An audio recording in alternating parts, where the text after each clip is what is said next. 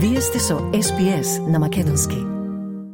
Благодарам, Ана. Во денешниот билтен Обединетите нации велат потребен е посилен хуманитарен одговор во Газа. Австралија под притисок да ги докаже своите заложби во напорите против климатските промени. Од вчера до петок во Македонија се одржува 30-тиот 30 министерски самит на ОПСЕ и Франција именувана како предпочитан домакин на Зимските олимписки игри 2030 година. Слушајте не.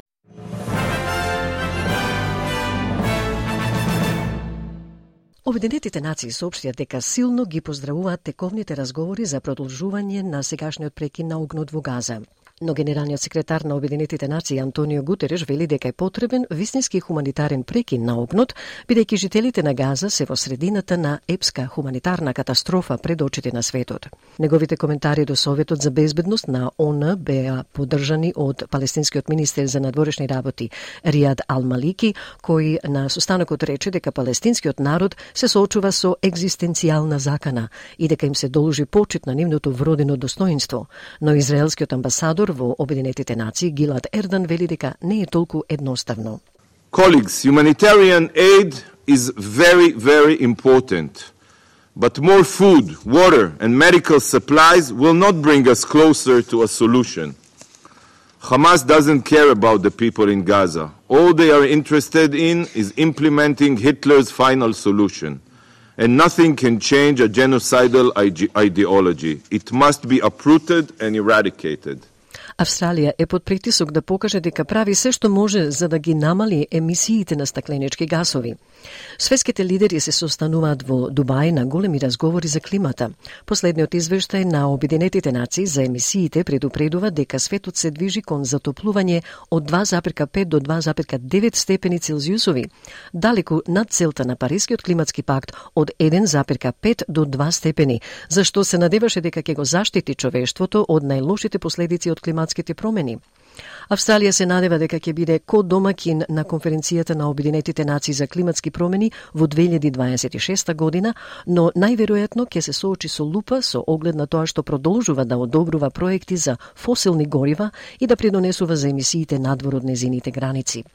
Министерот за климатски промени Крис Боуен предходно изјави дека на Австралија и предстои голема задача поради занемарувањето на животната средина од страна на поранешната коалицијска влада. Australia on climate policies like the kid that forgot about the exam uh, and has to has to really come home strongly in the in the final period. We want to get to 43% and indeed we've always said we see that as a flaw to our ambitions, but it's ambitious. Властите во Германија уапсија 15 годишно момче за наводно планирање терористички напад на Божикен пазар. Обвинителите во Дизелдорф соопштија дека тинејџерот е приведен по претресот во неговиот дом. Министерот за внатрешни работи на покраината Северна Рајна Вестфалија, Херберт Реол, вели дека момчето наводно пишувало во група за разговор за плановите за напад. Тој вели дека групата е осомничена дека се согласила на конкретен план за напад на Божикниот пазар по дискусија за различни сценарии сценарија.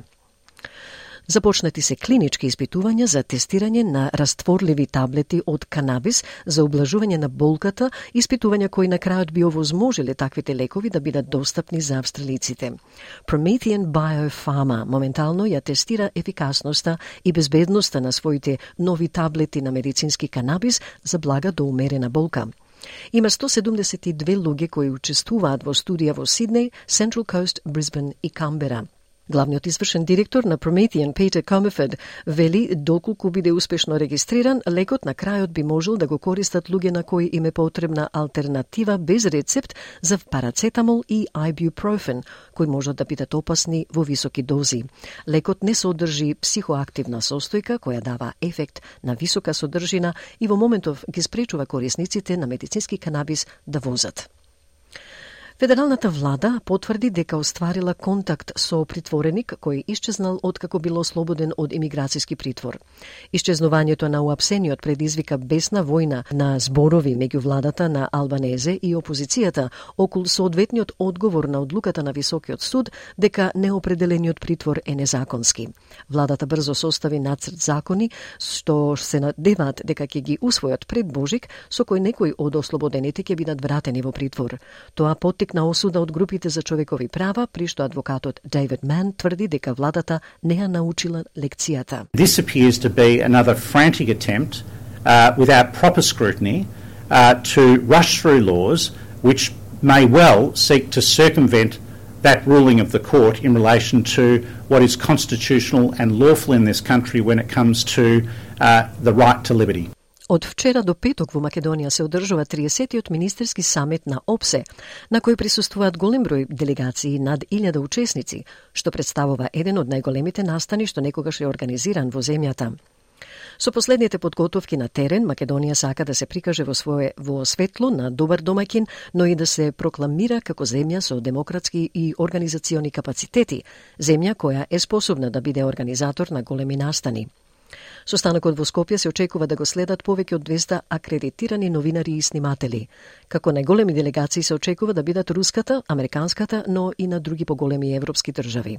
Од она што се знае, руската делегација би броела околу 80 луѓе, меѓу кои и 20 на руски новинари. Министерот за надворешни работи на Украина се приклучи на самитот на НАТО во Брисел, велики дека целта на неговата земја за враќање на целата неизина територија од Русија останува непроменета. Долгата линија на фронтот на војната која се протега од брегот на Црното море до североисточната граница на Украина со Русија се повеќе се смета дека е главно во застој, при што Русија неодамна оствари одредени територијални придобивки. Но Димитро Кулеба ја отврли загриженоста за недостатокот на напредок од страна на украинската армија во незината контраофанзива. Тој вели дека сојузниците на Украина ги поддржуваат нивните напори да се повлечат, изјава што американскиот државен секретар Антони Блинкен ја подвлече. We heard from every single country around the NATO table our uh, enduring commitment to Ukraine, uh, to making sure that Ukraine has what it needs to defend itself against Russian aggression, continue to take back territory seized from it by Russia, as well as to build a strong country um, that stands strongly on its own feet militarily, uh, economically, democratically.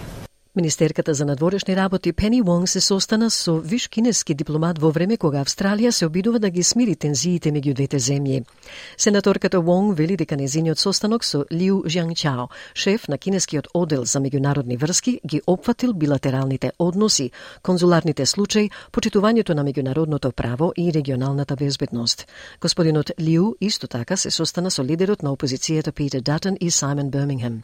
Портпаролот на господинот Датен вели дека тие извршиле притисок врз делегацијата за притворањето на австралискиот писател Јанг Хенджун, тензиите околу Тајван, кршењето на човековите права во Кина и Хонг Конг и таргетирањето на австралиските граѓани.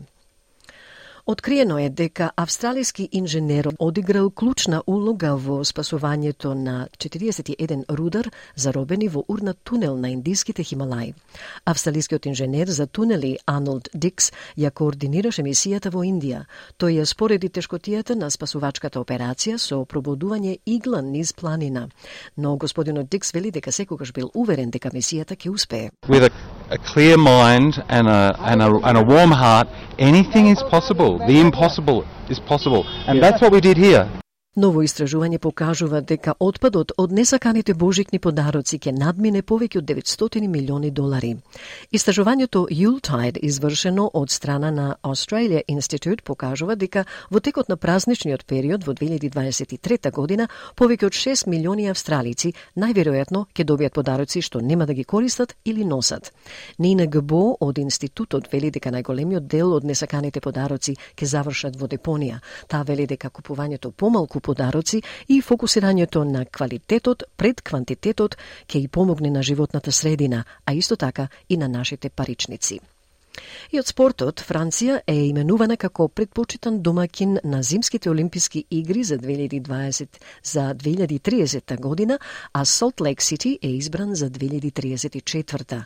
Кандидатите сега ќе ги интензивираат разговорите со Меѓународниот олимписки комитет за да ги зацртаат плановите и да обезбедат државна поддршка пред комитетот да направи официјален избор следната година. Но IOC одби да каже дали ќе им забрани на руските спортисти да се надпреваруваат во 2020 2024. Директорот за комуникации Марк Адамс вели дека комитетот се уште нема донесена одлука.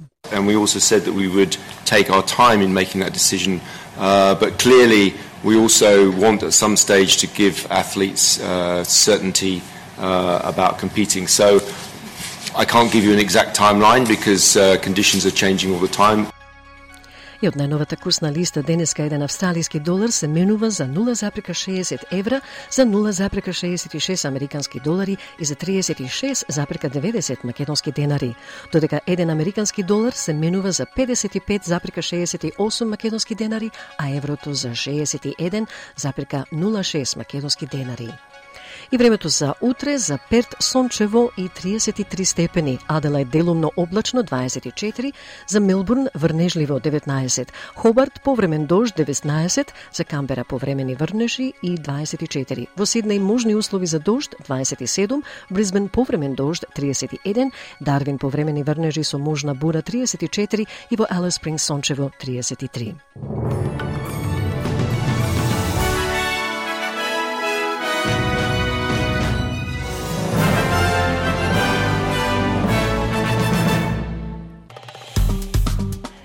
Стиснете, ми се допаѓа, споделете, коментирајте.